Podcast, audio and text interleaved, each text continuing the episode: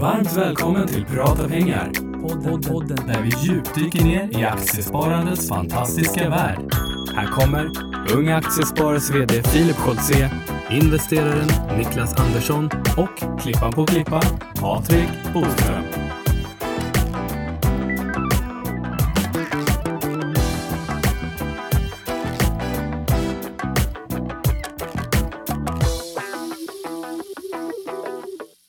Då säger vi äntligen måndag och varmt välkomna till eh, podden Prata pengar och eh, det här sommaravsnittet som blir nummer 82 i ordningen. Precis, och vi har ju som, vad skulle man kunna säga, vår egen sommarpratare med oss idag. Vi pratade om det här lite grann precis Ja, innan vi drog ja. igång, att man, han eh, gillar att sväva ut. Så det, det är väl min jämlike på något sätt, att han gillar just det här med utsvävningar. Det kanske blir några sådana idag, det blir lite sommarprat. Ja, men jag tänker det och eh, jag hoppas att det här blir en sån här härlig, eh, ytterligare ett härligt hängmattan-avsnitt där man bara liksom, där vi kan flumma iväg lite, liksom upp bland molnen Ja, någonstans. ja, men lite grann det här vi har pratat om, just det här feel känslan och kanske man ligger i en hängmatta, förhoppningsvis så är det sol. Vi pratade precis här innan vi började spela igång att det förväntas otroliga regnväder, åtminstone här nere i Stockholm och kanske lite även på Öland. Då pratar vi slutet juni. Exakt, Ja. så vi hoppas ju att när det här kommer ut att det faktiskt är riktigt riktigt fint väder desto, desto mer då istället. Ja, exakt. Och, eh, och vi kan väl också säga att det, det, det är liksom skönt att komma in i den här studien när man har haft en turbulent morgon. Det har varit kaos den här morgonen, eller hur Niklas? Ja, nej men det har verkligen varit kaos. Du vet, nu med barn och vi har varit ett jättetidigt flyga på morgonen vi skulle med och det stod varmt välkommen ombord. Och sen fem minuter senare så stod det att det var inställt det här flyget. Och min tjejen skulle upp till Norrbotten, du och jag ska iväg till Almedalen, vi har lite förehavanden ikväll. Ja. Så att planeringen verkligen eh, skjuter sig ju självt i foten. Um, och, och sen så skulle man stå i telefonkö, och så var det 40 minuter telefonkö och sen så råkade eh, hon som svarade lägga på och så var det 40 minuter igen. Och sen kom du och hämtade mig, vilket var fantastiskt bra här på morgonen. Det räddade faktiskt min morgon. Men jag Ja, men det att, roliga var att för att dagens gäst var här ganska tidigt, så att när jag gick ut och skulle möta vår gäst i repan, eh, så, så var ju inte jag på väg ut för att egentligen, jag är på väg ut för morsa, men på väg för att dra, för att hämta dig. Så det blev liksom så här, vi korsade varandra, men vi, vi hann hyfsat bra i tid. Eh, och, eh, och nu sitter vi äntligen här, och sen har det blivit en vattenläcka på kontoret också, så vi Ja, har inget vatten här. Man kan väl säga så här, den här morgonen, det, kan bara bli bättre. Det här är precis som börsen. Det, det, är liksom, det, är lätta jämförelsetal. För har någonting gått ner väldigt mycket och förväntningarna skruvats ner under lång tid så blir det ju nästan i slutändan så att man har knappt några nå, nå förväntningar alls på ett bolag säger vi och eh, är det så att man överträffar det minsta så brukar man kunna få lite grann av ett lättnadsrally just för att man överträffar lågt ställda förväntningar och den här dagen har börjat just nu med lågt ställda förväntningar. Mm, Ehm, Men när man träffar dagens gäst så, så blir man genast på väldigt gott humör. Exakt, och innan det här, Ja. du sa vilken dag vi spelade in det här. Yes. Det är ett lättnadsrally i H&M idag för att det är lågt ställda förväntningar och har varit en rad besvikelser, kommer lite sta- starkare rapport. Det här är ju egentligen passé när vi passé. släpper det här avsnittet. Ni kommer veta vilken dag det var, men då blir det just det här lättnadsrallyt. Nu kör vi igång tycker jag. Varmt välkommen till podden Prata pengar, Ulf Egestrand. Tackar, kul att vara här. Ja men jättekul att ha dig här och du har ju liksom kämpat jättemycket för att liksom ta dig hit. Sju timmar i buss enkom för att vara med i podden. Ja, från Löttorp igår åkte man då i solskenet, han med tre Economist på resa. Det var en härlig resa. Tillbaka idag. Ja, för du sa sju timmar i buss. Vad gjorde du på bussen på vägen hit? Ja, jag läser, jag Mm. läser. Jag älskar att läsa nyheter. Så var Economist gick igenom ett par stycken nummer nu. Så att jag har ett nytt nummer på gång när jag åker hem idag. Så jag ser fram emot det också. Så man skulle kunna säga att du ökar humankapitalet helt enkelt, eller gjorde i alla fall. Ja, jag älskar det. Men hur, eh, hur hittar du den tidningen då som är ju internationell? Köper du den i, liksom, på Pressbyrån eller något sånt där eller har du prenumeration? Nej, jag köper på Pressbyrån Ja. är i Sverige. Och eh, när jag bor i Istanbul, som jag bor vanligtvis då, då köper jag den i tidningsaffären där. Mm. Eh, annars har jag andra tidningar på nätet, andra tidningar. Men den köper jag faktiskt i pappersformat. Häftigt. Eh, vi ska, det här med Istanbul är också jättespännande och vi ska komma in på, eh, på det här, för vi vill ju lära känna dig och jag tror de allra flesta eh, som lyssnar på den här podden och känner igen ditt namn och känner igen din, din röst. Vi har ju liksom eh, pratat om dig flera gånger i den här podden. Följer man oss på YouTube så har man sett den här härliga eh, liksom videoserien som eh, Patrik gjorde tillsammans med dig, eh, som vi också ska komma in på. Eh, du är författare till boken The Hen House. Eh, vem är Ulf? Vem är Ulf? I Ja. dina egna ord. Mm. Mina egna ord, en bankintresserad och intresserad av pengar från jag var 14 år. Eh, glad och tycker det är roligt med människor och Mm. pengar är ju människor. Det var människor tror och vi gör oss emellan försöker beskriva med pengar då. Mhm. Det lätta sätt att byta saker med varandra än att byta mjölk mot getost så byter vi pengar mot getost istället då. Och pengar för mig har alltid varit ett stort intresse. Och jobbat i bank. Så började som vaktmästare i S-bank i Kalmar. Och det Ja, var ju Vaktmästare på bank Ja, alltså. vaktmästare, det enda jobb de Ja. hade 1976 när jag började jobba där. Och eh, det var ju ett fantastiskt sätt, för då fick man lära känna alla på kontoret. Man var ju den som Ah. öppnade bank på morgonen, så man träffade kunderna först faktiskt. Det. Så till att alla blanketter fanns på plats. På den tiden hade vi ju blanketter. Mm. Ja, det, finns var, ju det idag var, med ska vi säga. Den, bankvärlden har ju inte kommit jättelångt. den har inte gjort det Nej. där. Och jag har försökt få bort papper på kontoret nu i 20 år, har inte lyckats än. Nej. Ja, och jag såg faktiskt en artikel om det där i, i tidningen här igår just om bankkontoren, att det är runt 1500 bankkontor i Sverige. Mm. Om man då slår ihop alla storbankerna som har kontor där ute. Men, men det minskar. Det minskar, ja men det gör det. Eh. Förlåt, det var inte meningen att avbryta dig med tråkiga blanketter. Nej, ingen fara. Det var jag som, det var jag som tog det temat. Jag får skylla mig själv. Ja, hur fortsatte det sen då? Ja, sen eh, rationaliserade jag bort det jobbet, för jag ville ut i allmänt bankjobb. Det var ju min dröm att komma ut. Och då gjorde jag det, så drog jag ner det jobbet till två timmar om dagen. Mm. Och då sa man, då kan du ju komma ut. Och sen var jag i Kalmar då ett par år. Och eh, sen så frågade de mig om jag ville bli valutahandlare i Malmö. Och valutahandlare liksom, det var ju, det är ju fart och fläng. Arbitrageavdelning hette det på den tiden. Och det var fart och fläng och det var engelska och det var ju inte mitt bästa betyg i plugget.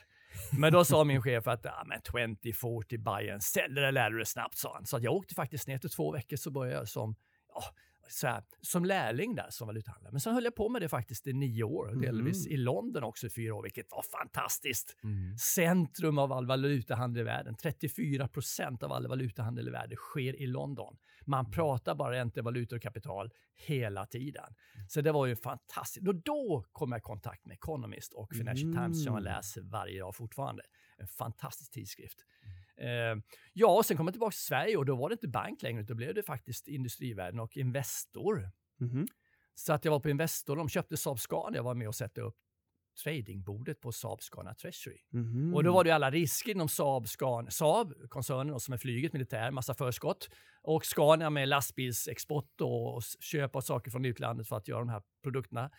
Eh, och då fick jag ta hand om de riskerna. De skickade dem till mig i princip, skulle jag med dem i, i, i systemet, i banksystemet. Och när det gäller flyget, det var ju till exempel 15-åriga leasar man gjorde med sina kunder. Så det var ju annuitetsbaserade 15-åriga saker i dollar med nollkurva och sånt. Så man fick bygga själv då i snurr i början på Mm. 90-talet. Och det lärde mig otroligt mycket. Och efter de fyra åren där på Investor så blev jag då tillsatt att bli treasurychef, alltså bankchef för Saab i Linköping Mhm. och ta hand om den stora kassan som de hade då. Eller med policy och sånt naturligtvis för skyddat. Man gör ingenting dumt med sådana stora pengar. Och då var där i två och ett halvt år. Så ringde de från Scania då, för mina gamla medarbetare från Investor var ju på Scania. Då ringde de och frågade mig om jag ville ta över ja, bankchefsjobbet där, treasuryjobbet på Scania i Södertälje. Och sen hände saker med Volvo, Volvo och Scania då på 2000-talet. Så jag blev finansdirektör på Scania. Och då fick jag ju se hur industri sköttes och var med i stora koncernledningen där med 22 direktörer. Sitta på måndagsmöte och leta, lyssna på produktionsrapporter och annat. Och, ja, jävligt intressant. Och sen har jag, var jag samtidigt också ordförande i en hedgefond. Mhm. Och sen så blev det Tyskland i tre år, sen har det varit Korea åtta år, nu är det Turkiet och håller jag på med leasing för Mm. Scanias lastbilar i Tyskland och Korea. Men nu bor vi bara i Istanbul faktiskt. 36 grader är det där idag. Fantastiskt. Ja, men jag tycker det här också är roligt just med bankvärlden Ja. och hur man gick från, egentligen från vaktmästare till, eh, till finanschef här och just eh, treasury-avdelningen och där kanske är lyssnare som tänker, ja men treasury, vad är det för någonting och Du sådär. tänker lika Niklas. Ja men exakt, just det här fikonspråket, att treasuren, precis som Ulf säger där, att när, när ett företag blir så pass stort att det här, det är inte bara everyday business att sälja lastbilar utan man har man kanske en massa pengar och man måste låna upp pengar och man har olika försäljning, olika valutor och hit och dit så behöver man ju sätta upp en internbank i företaget som man då kallar för treasury-avdelning. Och min fråga här är ju Eh, vad var det som gjorde att det vart just valutahandel? Fanns det någon förkärlek eller dragning till valuta när du var vaktmästare där? Eller var det liksom det här klassiska bananskalet att det vart just valuta? Alltså, det är ju bananskal. Mm. Samtidigt som jag hade en tanke med att jag vill inte... Jag hade två erbjudanden. dels så hamnade jag på aktiesidan, fondavdelningen i Malmö, som lärling där då. Mm. Eller arbitrageavdelning. Och då hade jag hört när jag läste, hade läst ett par år i Växjö, att utlandsaffärer, det är grejen. Mm. Och därför så blev det det. Sen har det nog passat mitt kynne rätt bra, för jag tycker om geopolitik och stora penseldrag i Mm. världen och hur politiken och handeln i världen sköts och så vidare. Så det har passat mitt kynne otroligt bra det här. Så att, eh, Mm. det var hand i handske. Men kan du inte, jag tycker vi ska stanna lite vid den här treasury-grejen. Exakt, och Filip, Ja. för, för du, är, du är fantastiskt duktig på att hålla vad du tänker på, så att jag vill bara också veta just du är valuta. fantastisk på att avbryta, Ja, jag så att jag glömmer vad jag tänker på. Nej men Filip, också att vi vill veta valutahandel i och med att vi hade en annan valutaregim i Sverige innan 92. Okej, Mm. vad- då antar jag att vi börjar med det. Ska vi göra det? Ja, du Åh. vinner ju alltid Ja Niklas. vad snäll du är. Nej men Ulf, vi, vi hade ju liksom en det annan... är det här med härskartekniken, Niklas är fantastisk. Nej, jag skojar. kör. Nej, nej, vi hade ju en annan valutaregim och liksom en fast växelkurs, eller åtminstone peggar. Hur var det att jobba med valutor och jobba som finanschef och exportföretag, både liksom Saab och, och även Scania när det var en annan valutaregim i Sverige? Ja, den här valutaregimen har ju varit rätt så länge då, som Mm. Bretton Woods-systemet. Men på 70-talet började hända grejer i Sverige. Vi fick otrolig inflation och det hjälpte vi med att höja lönerna då. Så att när det blev dyra så höjde vi också lönerna i Sverige och lönerna gick upp dramatiskt. Och det gjorde att valutan kunde inte hålla, sen började devalvera redan 75.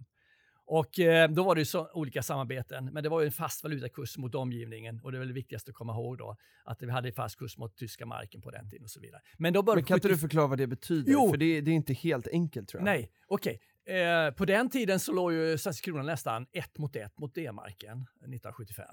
Och då bestämde jag skulle ligga där ungefär 1 1,00 Mm. kronor skulle en D-mark kosta. Och eh, det, om det rörde sig då upp och ner måste Riksbanken gå in och, och antingen stödköpa kronor om kronan skulle bli för svag Mm. eller sälja kronor om kronan skulle bli för stark och försöka hålla det inom en parameter kanske på 1, 2, 3 procent. Mm. Det var max.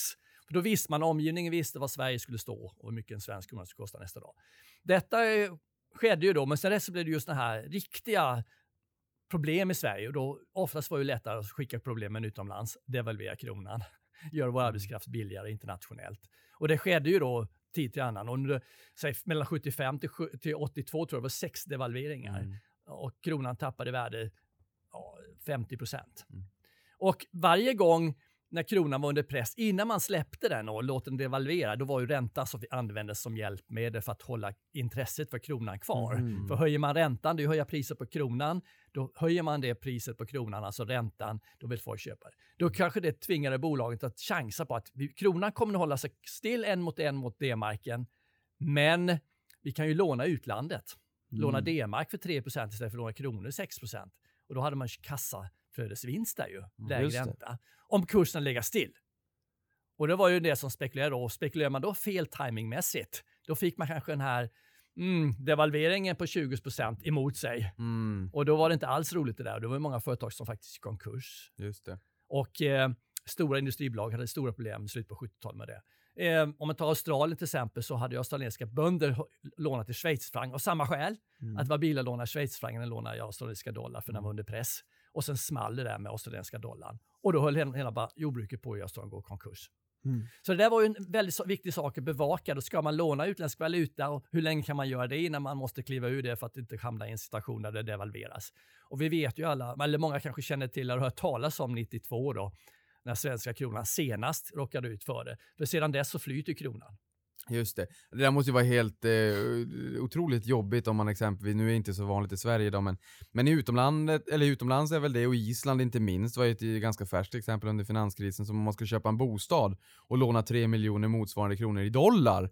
Och om det inte hade varit så att vi har en flytande växelkurs och sen så kanske den här valu våran valuta då rasar 50% eh, för, för att ta ett extremfall, då är det ju som att man har motsvarande 6, mil 6 miljoner kronor i bolån i och med att vår valuta blir mycket billigare och, eller mycket mindre värd och vi ska ändå betala räntekostnader och allting i dollar. Så Mm. det måste ju vara otroligt jobbigt. Mm. Ja, det blir ju oftast ett, ett problem med stora företag som har lånat mycket pengar och ligger helt fel. Antingen räntemässigt, att räntan går upp dramatiskt. Som i 92 hade vi företag i Sverige som fick låna till 500% över dagslån och höll på att gå konkurs på det. Mm. Eh, eller att du ligger i en utländsk valuta när, det- när det smäller Mm. och du ligger helt fel där och får ta smällen i valutan istället. Så det var ju hela tiden ett spel om att när ska man göra det här? Vilk, när ska man låna utländsk valuta? När måste man ligga i svenska kronor? Och hur länge ska jag låna pengar för att säkerställa att räntan inte ska få en chock i systemet? Jag ska låna ett år, två år, tre år.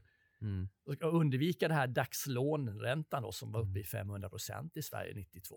Och det känns lite där som att, eh, att eh, du eh, är skillad nog att svara på både min och Niklas fråga här. Eh, jag blir alltid överkörd av Niklas nämligen. Eh, men, men det här med internbanken, visst, är det de här utmaningarna som, eh, som, som liksom man satt med på Treasury-avdelningen? Att liksom för, för, eh, för företagets räkning se till att liksom hänga med i de här rörelserna så att man hade pengar i rätt valuta vid rätt tillfälle och så vidare. Ja, det var mycket. Eh, Naturligtvis eh, har vi under, under årens lopp lärt oss att begränsa riskerna i den avdelningen.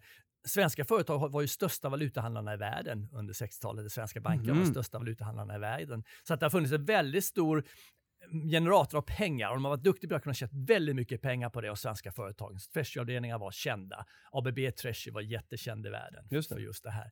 Och, eh, så det fanns ju möjlighet. Men sen har man ju naturligtvis åkt på smällar och då vet vi vad som händer, då kommer begränsningarna. Och det är ju vettigt. Så att nu är det mycket policystyrt, att du kan bara göra så här mycket. Så här mycket kan du bara utsätta vår vinst för Mhm. risk. Liksom. Value at risk är kanske ett begrepp ni har hört. Man tittar på hur mycket valutamarknaden rör sig sista månaderna och så säger man om det skulle ha samma rörelse nästa dag, vad skulle ske med vårt resultat då? Mhm. Så man har sådana begränsningar att då får det bara hända så här mycket med resultatet. Vi får bara tappa två miljoner kronor Mm. om det som hänt sista månaderna händer framöver. Mm. Och det begränsar då risktagandet. Men det är ju väldigt viktigt att ha en bra tanke kring hur ska vi jobba med de här frågorna i företaget. Framförallt med svenska företag som då exporterar kanske det. 95 till 99 procent av sin verksamhet går på export. Eller import, för vi har ju importprodukter i våra produkter också. Exakt. Så det är väldigt intressant. Och sen finans hela finansieringssidan också. Mm. Så det är som en bank. Ja, historiken med, med, med just Saab har man ju hört att eh, vi, svenska kronan är ju en liten valuta och att det till och med skakar till, eller gungade på den svenska valutamarknaden. Man fick stora exportorder Mm. av JAS Gripen. Kan du säga någonting där? Var det så när du jobbade på Treasury-avdelningen att man kunde verkligen se effekt på svenska valutan om ni fick stora ordrar? Ja, eh, det, det kunde man se. Eh, Företagen pratade ju Mm. naturligtvis med bankerna på den tiden i förväg man hade känslan nu, nu, nu har de nog ett stort belopp, men kanske läst någonting i tidningen att de fått Mm. en order, kanske redan var gjort i marknaden. Men de stora bankerna visste ju när stora företag ringde in, då börjar man undra, aha, är det nu de gör det? Eller de ringer någon annan bank ringer och frågar, jag vill ha ett stort belopp. Fråga, då är han varit hos dem nu och gjort affären liksom?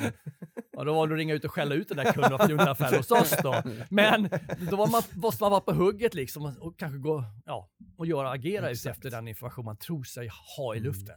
Men, men jag tänker så här nu eh, när eh, det är sommar och det är jättemånga som, eh, nu vet jag inte exakt vilket datum avsnittet kommer ut, men som antingen har fått besked eller ska få besked här om vad man ska plugga till hösten. Ehm, så, vi har ju många unga lyssnare. Då tänker jag så här, vad, vad gick du för utbildning för att liksom kunna göra en sån här fantastisk karriär? Alltså, jag visste redan när jag var 15 vad jag ville göra.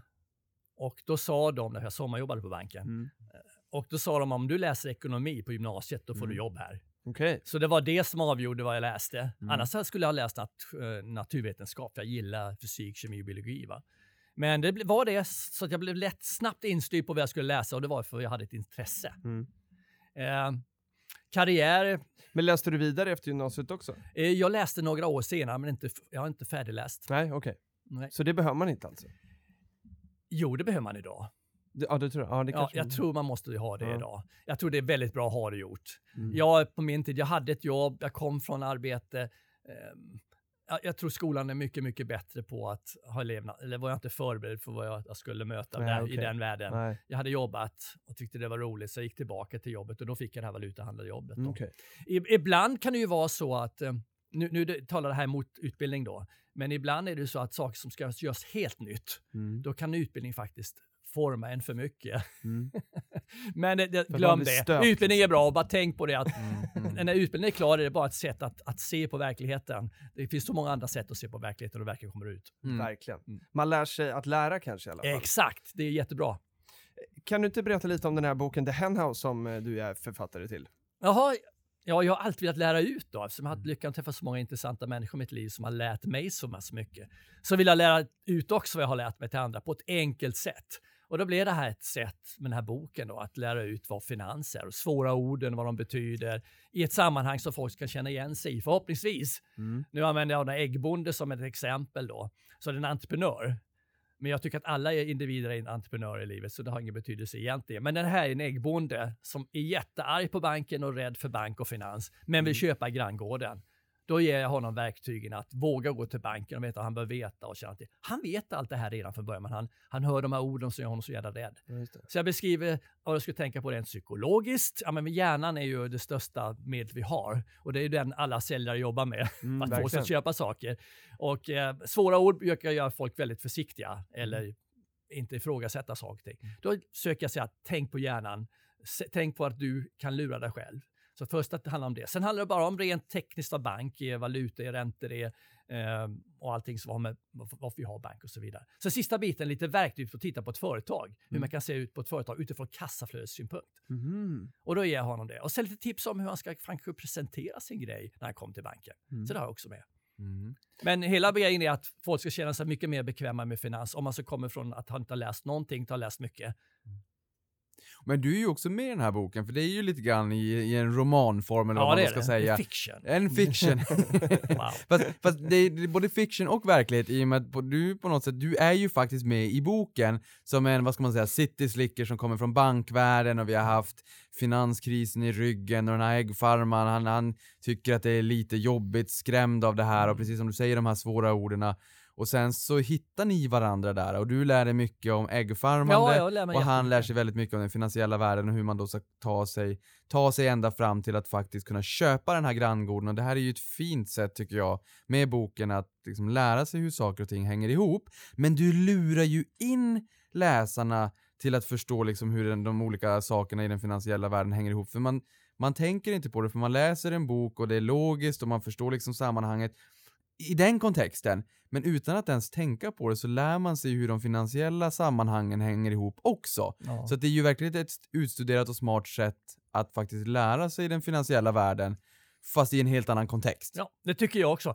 Jag, jag försöker göra det enkelt. Jag har mycket illustrationer. Mm. Väldigt naiva, konst- äh, så folk kan ju tro att det är en barnbok först. Men, men läser man innehållet så märker man att det kan ju finnas lite djup i det man skriver också. Mm. För att jag beskriver liksom USAs ekonomi kanske kontra Kinas ekonomi, Mm. vad är BNP och sådana saker. Eh, Så att även den som har varit med mycket i ekonomiska frågor kan få någonting ur boken. Mm. För att ah, det här är ju humaniora. Ekonomi är ingen s- naturvetenskap. Liksom. Det är hur man upplever saker och ting. Och där jag skriver hur jag upplever Mm. saker.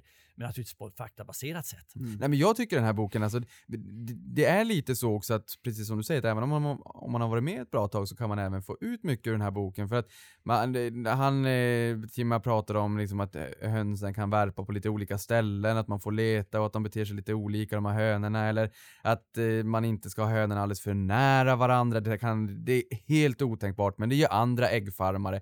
Och du säger så här, ja men skulle du kunna tänka dig att sälja dåliga gamla ägg? Nej vad menar du sen? Det är klart man inte kan. Nej, men det gjorde man under finanskrisen, eller innan Ja. finanskrisen egentligen, med med, eh, med, med, med bostadsbubblan och sub- subprime-bubblan där man sa att det var högsta kreditvärdighet på de här bostadsobligationerna fast det var väldigt mycket dåliga krediter så blandade man ihop det här och lite bra ägg och lite sämre ägg och så sålde man det där. Och, så att man får ju verkligen en, en ja, det, liksom, du väver ihop det här på ett väldigt bra sätt i boken. Kul att du tycker det. Ja, men det, det är precis vad jag ville.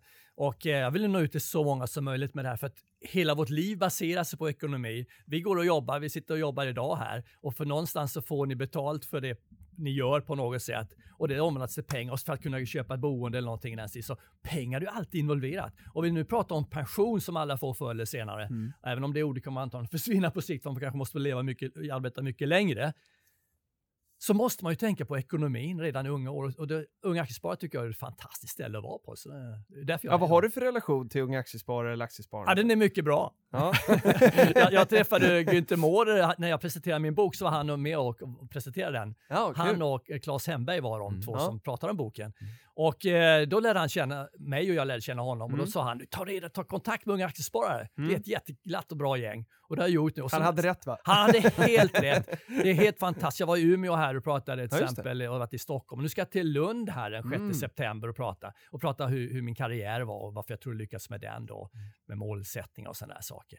Eh, så jag tycker det är skit. Och det är så jävla, jag talar om för alla jag träffar, så här, skicka era barn till unga aktiesparare. Även om ni är eh, inte har den politiska åsikten eller tycker om det här som frågan så är ju ändå vi lever i ett värld som privat ägande gäller fortfarande och i privat ägande så är aktien basen för detta. Mm. Och om man då ska leva i det här samhället och någonstans inte, kanske inte bara leva på det man har tjänat utan det man har sparat ihop Mm. så måste man ju tänka på att det här är en viktig del av det. Mm. Så för mig har det varit en, en, kanongrej att träffa den här gruppen och framförallt att tala om för andra unga människor att börja i tid. Mm. Mm. börja i tid. Mm. Ja, och jag, någonstans brukar man ju också ställa sig frågan var ska man börja då när man Ja. liksom ska lära sig kring sparande och investeringar och kanske aktier i, i synnerhet. Eh, och det här, precis som vi har varit inne på, är ju verkligen ett bra sätt. Och vi brukar ju ibland Filip säga att det är skönt när vi går ut ur poddstudion med en feelgood-känsla Mm. i magen när vi har poddat. Och det här blir ju, jag tycker att det här är liksom en feelgood-känsla att läsa lä- den här boken som förklarar den finansiella eh, skeendena och världen. Mm. Härligt. Helt enkelt. tack för det. Nej, nej, men, nej men jag tycker det, och det är så här, jag och Filip vi brukar säga det, vi är känslomänniskor, jag menar när man sitter och läser den här, man får liksom ett leende på läpparna, jag tycker verkligen att kul att förmedla det vidare och de som lyssnar på det här, har ni läst boken, skriv under hashtag prata pengar, jag tror att många andra också där ute faktiskt tycker att den här är bra. Vad roligt. O- om vi ska eh, fundera lite på, eh, ja, men, så här, vi brukar fråga de allra flesta av våra gäster hur de hanterar sina egna pengar och vi pratade lite med dig här innan vi satte igång och spelade in. Eh, och, och, och det har liksom funnits inslag av valutor där också förstod vi. Det här är ju spännande för vi pratar inte jättemycket valutor i den här podden. Vi- Hur, hur har du liksom eh, tagit hand om dina pengar sen, sen start? Ja, först och främst så vill jag förstå vad det är frågan om och det, Ja. det vet vi ju alla vad Warren Buffett säger, en av världens rikaste män och investerare.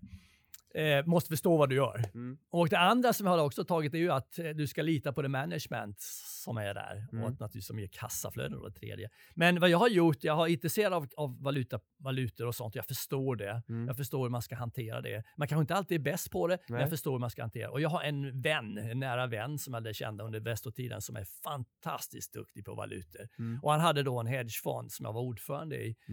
Där placerade jag mina pengar. Okej. Mm. Men Niklas brukar säga så här, eller, och jag brukar stämma in, det är inte att jag inte håller med Niklas, att, att valutor, så här, det, är, det är bara spekulation, det är inte investering. Vad, håller du med om det? Ja. Ja. det kan man ju inte säga annat för att det är ju så att det är, när du ska köpa en aktie, då säger du bara jag ska köpa en aktie. Och då, Mm. Då är det lätt att säga jag ska köpa kronor. Det funkar ju inte. Du måste sälja något för att köpa kronor. Du blankar ju något för att köpa något i Ja, valutamarknaden. Just det. I, I aktiemarknaden blankar du ju inget för att köpa Ericsson. Oftast Nej, inte va? Nej, Du exakt. kan göra den spreaden, men då är det rent arbitrage Mm. eller försöka hitta några gap som ser felaktiga ut. Mm. Eh, men i valuta är det ju hela tiden, du blankar något och går lång i något. Just det. Och då gäller det att göra det i rätt par vid rätt tillfälle och rätt håll. Mm. Och sen vara otroligt flexibel. För vi vet ju valutan nu, att dollarn låg ju 1,11 för inte många dagar sedan mot euron. Nu ligger den 1,14 idag. Mm. Mm. Och då, då snackar vi 3 procent. Liksom. Och, där, och när man handlar valutor, då handlar man ju oftast inte så här, man köper 10 000 kronor, utan man girar sig rätt mycket. Alltså man Mm. kanske har 10 000 kronor själv, så gör man en affär för 100 000 kronor, kanske en miljon. Mm. En del Man- gör det. Det finns lån. Det finns in- lånaspekten, ja, leverage i den. Så valutamarknaden måste vara ju otroligt försiktig med och då kommer ju stopplossen som en naturlig del i livet där. Mm. Och hur känns det med, med psykologi där då? För jag kan tänka mig, när det kommer till aktievärlden, då, då ehm, är det ju ja, inte ovanligt att vi söker oss vidare till utlandet, Sverige, Norge, Finland, Danmark, USA eller kanske Kanada och köper aktier där och då får man ju den här valutadimensionen Mm. också. Men Mm. är man långsiktig så kanske man tycker att det är ett nollsummespel fast det ändå är roligt att försöka få lite, lite vad ska man säga, tailwind, att inte kanske Det köpa då. Ja, och inte köpa en aktie i en utländsk valuta när, den är på, när valutan är på all time Nej. high. Det blir ju lite jobbigt. Ja, ja. Men vad säger du om psykologin då när man handlar i, i, i valutor i och med att det är den här kraftiga hävstången allt som oftast man handlar med, med valutor? Ja, det är ju världens största marknad med 5 triljarder dollar i omsättning per Mm. dag. Så att, att förstå den och kunna den, den är omöjlig, utan det är ju hela tiden att vara flexibel. Eller att du kanske har en långsiktig, tror någonting långsiktigt, men om du har fel den här långsiktiga, till exempel blir en devalvering eller en revalvering som är emot dig, Mm. så måste du agera.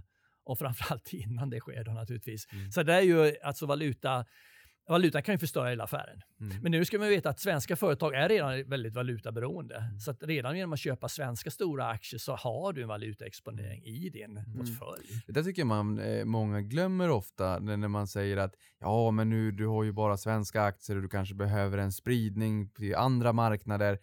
Ja, förvisso, men precis som Ulf säger här, vi, Sverige är ju ett litet, extremt exportberoende land och en Mm. stor del av topline fikonspråk Filip, omsättning, försäljning kommer ju från utlandet och räknas ju om till svenska kronor. Det har vi sett inte minst med, med både Kopparbergs och, och, och eh, Nobia i, Mm. i eh, Storbritannien med, med pundet som har varit lite volatilt.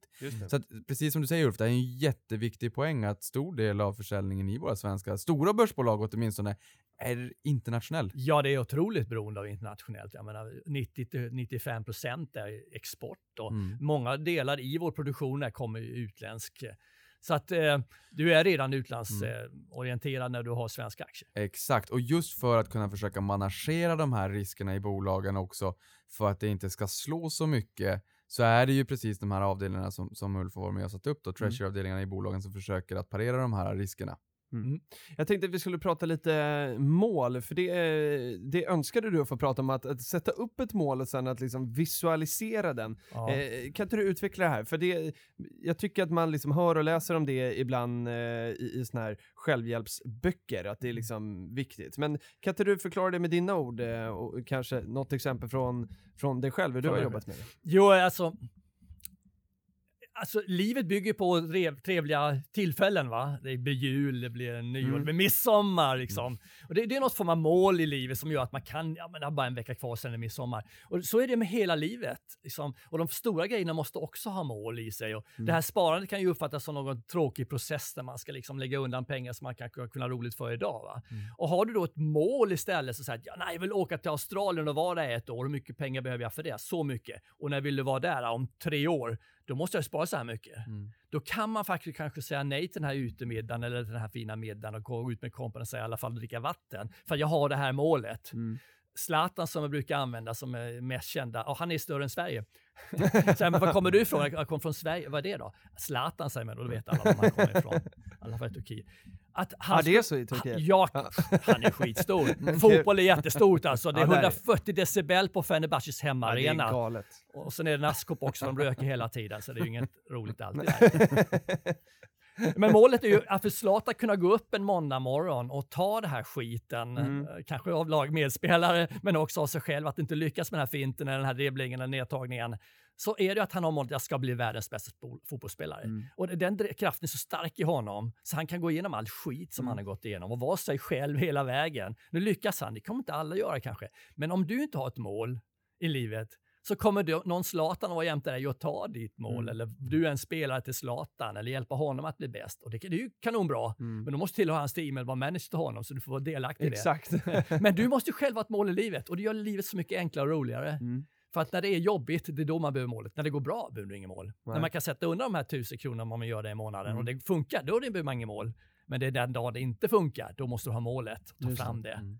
Jag tycker just det här med att, att jaga sina mål lite grann är ju också som att antingen kanske man har mål och Mm. drömmar och visualiserar det där, eller att man tar sina arbetslösa pengar och, och sysselsätter dem och sätter dem i arbete. För om det är så att man inte gör Från det, sparkontot. Ja, och, och är det så att man inte gör det från ett sparkonto till Ja. ett negativt ränteklimat, så går man ju till sitt jobb för att uppfylla någon annans dröm. Mm. Mm. Ja, just det. Eftersom att det är någon annan som äger det där Ja, bolaget, det. som eh, bolag var tjäna pengar och liksom berika någon annan. Mm. Det är ju inte fel att vara anställd heller, men, jag, men just det här att kunna sätta sina pengar i arbete, låta dem jobba för dig och kanske kunna få den här ekonomiska tryggheten och uppnå ännu större drömmar, mål och visioner i framtiden. Eh, och gör man inte det som sagt, så är det någon annans drömmar man bygger. Ja, ja, men jag, jag kommer ihåg, jag brukar nu när jag är ute och unga och pratar så tar jag ett exempel. Hade jag börjat spara 1975 när jag började jobba, Mm. 500 kronor i månaden till idag, det var det ungefär 240 000 i kapital lagt Mm. undan. Med den utveckling som varit på börsen, bara köpt en indexfond, bryr dig inte om någonting. Låga avgifter, bra spread på vilka aktier du har, du behöver inte ens bekymra dig. Det enda negativa är att du inte är delaktig, du kan inte gå och rösta och så Nej. vidare. Men du är med i resan. Det har varit ungefär 12 miljoner kronor Mm. idag. Och det är, då, alltså, det är pension. Det är en Mm. stor pension Ja, för de flesta. Och då har du bara lagt undan 500 spänn i månaden. Nu kan vi inte säga att det blir så de närmaste åren. Nej. Men det här med visualiseringen du sa, eh, jag kommer ihåg när jag skulle skriva min bok då, The Henhouse. Då hade jag en, en coach. Dels så att jag skulle lära mig hur jag ska hålla tal med amerikansk stil och så vidare. Och också, han sa du måste skriva en bok. Mm. Du presenterar det med vd-häfte och lägga en bord på bordet och säga här, det har jag gjort. Och det var ju inte så lätt att skriva då, men jag hade ju mitt tema då som jag kom på med äggbonden och så här. Men det var ju, ett, skrivkamp har ju alla, de bästa som de sämsta. Och jag tillhör ju inte de bästa till att börja med, för jag är ingen skribent, men det gick, gick bra i alla fall. Man har ju det blir bra i alla fall. Men det gick ut och skrev vissa dagar och sa han, har du, har du någon dröm eller mål? Dröm använder ju amerikanskt Mm. då, dröm. Alltså, jag, jag har alltid hört stora drömmar. Jag kommer ihåg när jag sprang ut ur Smeby utanför Kalmar där, så var det en bondgård där, så jag tänkte den skulle jag vilja ha. så liksom där, har drivkraft har jag haft hela livet. Men då sa jag till honom, jag har penthouse i New York. Wow, sa han, Mm. det är inte illa, sa han. Och det var ett men det måste du ha en bild på, sa han då. Nej, Mm. det har jag inte, men gör det då. Så då åkte jag hem och varje helgupplaga i Financial Times så finns det en bilaga av alla fastigheter runt om på jordklotet. Och naturligtvis de dyraste som finns då. Och då hittade jag en som låg i Greenwich Village i New York. Och det var 28,5 miljoner dollar, ett, ett, ett townhouse. Då satte jag upp det på väggen. Och sen så sa han till honom, sen när du har problem, titta på det. Mm. Så nästa gång jag skrev och hade problem, vilket hände rätt ofta då, så titta på bilden i tre sekunder. Och det bara släppte. Fick tillbaka känslan. Ja, Mm. för det, det lösgör någonting i hjärnan. Och det, vi går in i hjärnåldern nu med HJ. Mm. Och det innebär att ha koll på din egen hjärna, hur den funkar. Hitta sätt som gör att du löser upp problem när du är deprimerad, ledsen. Klart man ska gå och prata om det är riktigt depression, men Jo, man jo. kan ju faktiskt hjälpa sig själv med kanske ha drömmar och gå tillbaka till. För att det, du sitter i just nu känns så jävla jobbigt. Mm. Men då måste du komma ur det. Och jag kommer ihåg den här hundraåringen som hoppade ut Ja, genom exakt. fönstret. Mm. Jag tror det är början på filmen där. Om ni inte har sett den så tar han sig ut genom fönstret och han vill Mm. inte vara med på sin egen födelsedagsfest. Och då går han vid kyrkogården så kommer han till en stenmur. Och han är hundra bast, så det är inte så jäkla lätt att ta sig över den där stenmuren. Nej. Men då finns det en resebyrå på andra sidan stenmuren. Då ser han den här resebyrån som är drömmen för honom att komma dit. Och då tänker han sig stenmuren lägre. För det är precis vad det frågar om. När du möter ett stort hinder, tänk bakom hindret. Mm. Och det är ju likadant med, med, med judo och sådana här saker när man ska slå mot en, trä, mot en trägrej och man ska sikta bakom. Ja, exakt. Ja, och det är likadant här i målet. Du får inte fastna vid problemet du har. Du måste hitta bakom, för det ger dig energi. Det är därför du är på väg någonstans. Och så visualisering gör det ännu starkare att se det. Men hjärnan är otroligt viktig och det finns många som tittar på sådana saker idag. Verkligen. Ja, det är ju intressant. Det är ju, vi använder ju bara liksom en fraktion av vår hjärna och är det så att vi tänker på att vi aldrig kommer att kunna lyckas med någonting så då har man liksom ställt in sig på det här negativa direkt och då är det ju rätt svårt att uppnå det Ja, där. och sen har vi, det är ju inte bara det. Vi har ju, vårt samhälle i Sverige är väldigt att vi ska vara lika. Och sticker man ut är det inte bra. Nu vet jag att ni ungdomar är mycket, mycket bättre på det här att lyfta er själva, så bry er inte om det där. Men vi sitter någonstans och gillar vi inte att sticka ut. Och det gör att det är väldigt svårt att säga, att, att säga jag har en dröm. Liksom. Vad då ska du ha dröm för? Mm. Men det är ju det så jävla viktigt att, att lära sig ungdomar att tänka, använd hjärnan. För det är bara ett Exakt. sätt att få hjärnan att kunna fungera bättre nästa sekund. Vara för det är mer ett steg i Zlatan. taget livet är frågan om i alla fall. Va? Exakt. Mm. Ja, häftigt alltså. Det är... Niklas, vi får bara sätta upp en sån här bild. Det är ju ascoolt alltså. Ja men, just, ja men just att ha de där målen också, att, att känna varför man gör någonting Mm. ger ju mera energi än att bara göra det i blindo. Eh, det finns en sån där kinesiskt ordspråk som jag inte riktigt, det, jag vill, nu är det, så här, det är dumt när det är spontant för jag kommer inte exakt ihåg hur det går. Nej. Men det är någonting som att en, en, en, ett, eh, må, en, ett mål utan handling är en dagdröm, men en handling utan mål är en mardröm. Mhm. Så, sit- ja, Ja. precis. Och det är just det där att försöka ha det här målet och visualisera Ja. så här, vart ska jag? Jag gillar det där att liksom se förbi. Jag ska, för, som vi inledde den här podden med att vi hade en liten jobbig morgon här nu. Mm. Eh, så liksom eh, samma där, att, att eh, man kan ju faktiskt ha med det knepet i vardagen då och se förbi den där muren och se resebyrån. Så, Ja. så kommer För det är just det här att folk hamnar i någon form av stresskon. Exakt. Man ser bara det här problemet Exakt. framför sig. Man måste lyfta sig. Då ser man ju det är massvis av grejer runt omkring Mm. och framförallt bakom det. Precis. Mm. Att gå till tandläkaren är inte roligt, men efteråt är det rätt skönt. Exakt, exakt. Du, sista som jag tänkte att vi skulle prata om här är, eh, nu när det ändå är sommar och vi har eh, många som är ute och reser i världen, så vore det jättekul att få höra lite om Istanbul. Vad är det som har gjort att du har hamnat där och är, är, det, ett, eh, är, är det ett ställe du tycker att man bör resa till? Exakt, Och det här är en bra fråga. Ja. Absolut bör resa till. Om vi börjar där. Vem passar det att resa dit då? För det här är inte Alanya, Antalya, Antalya Marmaris, Nej, det utan det här är liksom Istanbul. Turkiet på Mm. riktigt. Det är Det är, liksom re, ekonomin också. Ja. Ja. Pulsen. Ja, pulsen, det är ju det är ett land med 77 miljoner invånare. Mm. Men varför jag hamnade, vi- jag bodde i Korea åtta år Mm. med min fru och då, det var svårare och svårare att få tag i visa då, eller få tag i Mm. att söka visa. Det krävdes vissa saker och det var svårare och svårare att uppnå det. Och då ville vi vara kvar i Asien. Och då sa jag, ska vi kanske Bangkok, så här, bra klimat och sådär. Ah, äh, det gillar inte frugan av, av förklarliga skäl då gubbar och Ah, unga tjejer. okej. Mm. Då sa hon Istanbul och då hade jag bara varit där en gång och sa, men Istanbul, liksom, var fick du det ifrån? Vi har aldrig, aldrig, vi har aldrig pratat om Istanbul. och då var det 88 då, det kommer jag ihåg att man varit där. Men hon sa, nej det var, det var en härlig stad sa hon. Mhm. Då var det 6 miljoner, nu är det 23 miljoner. Men, eh, så vi åkte dit då precis efter Getzy Park här var det 2013. Då åkte vi dit, det var ju tomt. det var inte en jäkel, det var jättelätt att få tag i hotellrum och sånt där. Mm. Men vi, vi, det är en fantastiskt vacker stad. Det är historia, det är glada människor, tre, jättetrevliga varma människor, väldigt emotionella precis Mm. som i, i Korea. Väldigt varma och gästvänliga människor. Kul. Om du inte går på de här turistställena för då kommer de peta dig i sidan. Ja. Kom in och köp, kom in och köp. Men har Men du så det inte utanför, hela Istanbul. nej, nej. Maten är jättegod. Liksom, vår historia kommer ju därifrån vad gäller mat. Liksom, om man läser lite om människor nu, Mm. var vi kommer ifrån, vad jordbruk och sånt kommer, så kommer det från sydöstra Turkiet. Okej. Men det är ju 10 000 år sedan.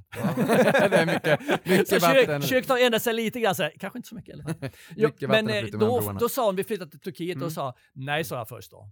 Sen snackade jag med mina kompisar, men för fan, du är dum i huvudet eller? Mm. Istanbul är ju fantastiskt. Så då bestämde vi oss och flyttade vi dit då. Mm. Och sen har vi bott där nu ja, snart fyra år. Otroligt. Alltså, det, det är alltså en annan kultur, de är muslimer, Mm. men de är, de är mer kulturellt muslimer. Så det är precis som vi är kulturellt kristna Mm. då, kan man säga. Sen är det naturligtvis att de är, är kanske mer bundna till den kulturen än vad vi är. Mm. Så vi har tappat mycket av det Ja, från 1800-talet och nu. Eh, historia, du har byggnader som är otroligt vackra, de här Blå moskén, Hagia Sofia, jag menar, by- bysantinska, då flyttade nästan hela påven, hela kristendomen flyttade ju nästan till Istanbul. Mm. Så ett enormt centrum. Eh, varit en stor stad länge. Och vackert. Den är tredimensionell stad, det är kuperat. Mm. Med ett vattendrag emellan då, som på spåren. Och det här tar 20 minuter att åka den här färjan, det känns som 10. Ja, det gör det. Ja, det är fantastiskt. Varje dag jag åker så känner jag bara jag är lycklig, jag biter mig själv i armen. Man åker dit, är det farligt? Alltså det måste man ju själv avgöra om det är Ja. farligt. Men rent statistiskt, om man tar rent statistiskt, så är det antagligen farligt att åka buss eller gå Mm. över, gå över Ja, någonstans i. Sverige. Men det höjs ju upp, de här terrorattackerna Jo. höjs upp så väldigt mycket. Men upplever du det som en otrygg stad? Nej, inte alls. Inte alls.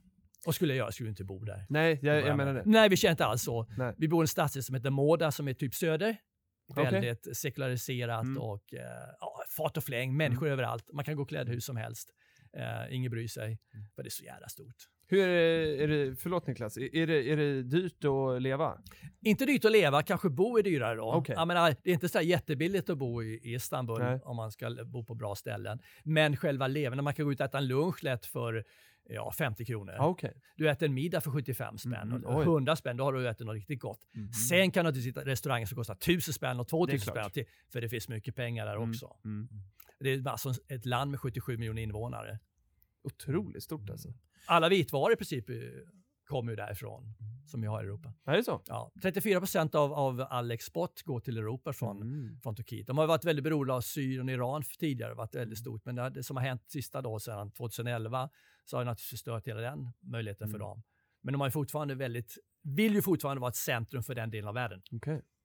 Vad tänkte du på Niklas? Nej men jag tänker lite grann, det har ju varit oroligt också i Turkiet här den senaste tiden och vi har ju en nyhetsrapportering, säg i Sverige eller internationell media, som visar en bild av verkligheten. Och det här är som du säger, det är 77 miljoner människor, det är enormt mycket människor.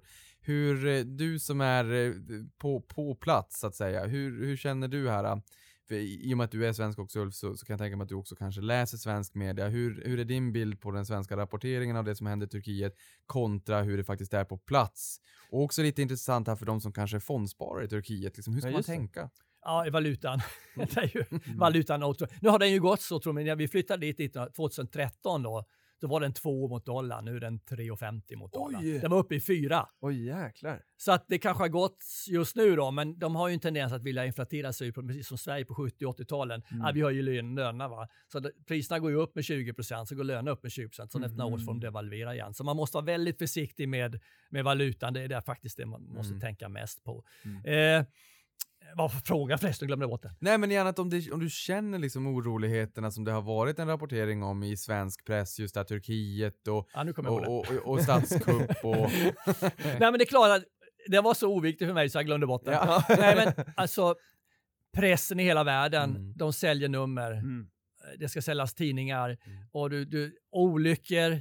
Och händer ingen olycka i närområdet så måste man gå längre längre ut. Och eh, händer det någonting i Afghanistan bryr man sig inte om det längre. Nej. Om det inte är så att det inte händer någonting i resten av världen, då är man bryr sig om det. Mm. Men i Turkiet, då höjs det upp liksom, när, när, och det är ju fruktansvärt naturligtvis det som sker. Men tar, ser du rent statistiskt på Mm. det, så det är många, mycket färre människor idag som dör av terrorism än på 70-talet. Mm. Tror att Norberg heter en svensk kille som kom ut med en bok i november, som beskriver faktiskt världen mycket, mycket bättre idag än den var förut. Men det är statistiken och pressen gör att de vill skriva saker som folk emotionellt Mm. Ja, det har ingenting med rationellt tänkande här, att jag Nej. är jätterädd. Tio dog i Istanbul.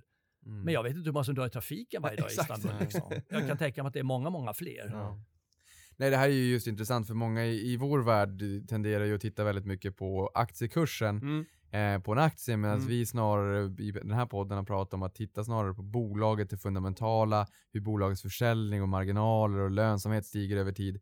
Och det här är ju kanske lite grann samma sak. Det blir väldigt mycket aktiekursvolatilitet, Mm. mycket nyhetsrapportering för man fokuserar på det som, som säljer lösnummer. Men, men man kanske ska titta på en underliggande istället och liksom skippa det här populistiska i, i, Ja. i pressen för Men- att få men- den riktiga bilden. Exakt. Men tittar man på industri, textilindustri, de är ju framstående. Alla- Antagligen de jeans ni har på er och de kläder, jeanskläder har på er så kommer det från Turkiet om ni Mm. börjar titta på dem. Mm. Tygen alltså. De är Mm. mycket framstående på textilier idag. De gör många saker. Så man kan hitta produkter, om man är intresserad av kläder exempel, så ska man titta på kanske turkiska företag som håller på med det. Mm. Eh, om man nu är intresserad av att bredda sin portfölj vad det gäller kläder. För att de har ju en nisch av industri där de är väldigt duktiga. Och textil är en sån idag. Och det brukar ju ofta vara första steget in till en annan typ av industri på sikt. Va? Men har ni flyttat för sista gången då? Ni har bott på Aj, en... nej! Ja, det beror på hur gammal det kommer bli. nej, vi tycker det är jättespännande. Och, men eh, min fru har ju, fr- från Australien min fru då, så Mm. flyttade vi, bodde vi i London, det var då jag träffade henne, jag var i Australien och jobbade ett tag. Men jag jobbade i London. Och eh, sen kom vi till Sverige och lärde oss svenska. Flyttade till Tyskland, sig tyska. Flyttade till Korea, sig koreanska. Men fördelen Nej, att flytta till Turkiet är ju det att det är besläktat till koreanskan. Okej. Finskan, koreanskan, ungerskan Aha. och turkiskan är besläktade. Okej. Nu kommer jag aldrig ihåg vad det heter, det där Det språkgruppen. finsk-ugriska språkträdet. Tack, tack Niklas. Så att eh, hon har hjälpt på det, men det, är, det gör ju att jag behöver inte lära mig det då. så jag kan fokusera på min Financial Times Okej. Economist. Det är engelska, that's it. Det är Den, den kommer fortsätta vara engelska. Vad spännande. Det har varit jättekul att ha med dig i den här podden och eh, du är ju i Stockholm lite nu och då så att eh, nästa gång det här får du höra av dig så ser vi till att att ses och, och göra något sånt här igen. Ja, det är jättekul. jättetrevligt alltså, eller hur Niklas? Ja men det är det, och det, det blir ju det här lite feelgood i hängmattan. Det är otroligt roligt för det här är ju, vi har fått en annan bild som vi kanske inte pratar om till vardags, just det här valutadimensionen Ja, och mycket intressant. Ja, och liksom treasury och Mm. att det skakar till lite grann på den svenska valutamarknaden där på Saab och det här är ju svensk industrihistoria. Mm, det är det verkligen. Eh, Ulf, vi önskar dig en eh, jättetrevlig sommar och eh, så önskar vi er lyssnare detsamma. Hoppas ni har det skönt där i hängmattan och att ni har bra väder. Är det inte varmt i Sverige, åk till Istanbul. Eller? ja, helt rätt. Tack för att jag fick vara här. Tack så mycket. Trevlig Tack för att du sommar. kom Ha det hit bra. Ulf. Hej då. Hej!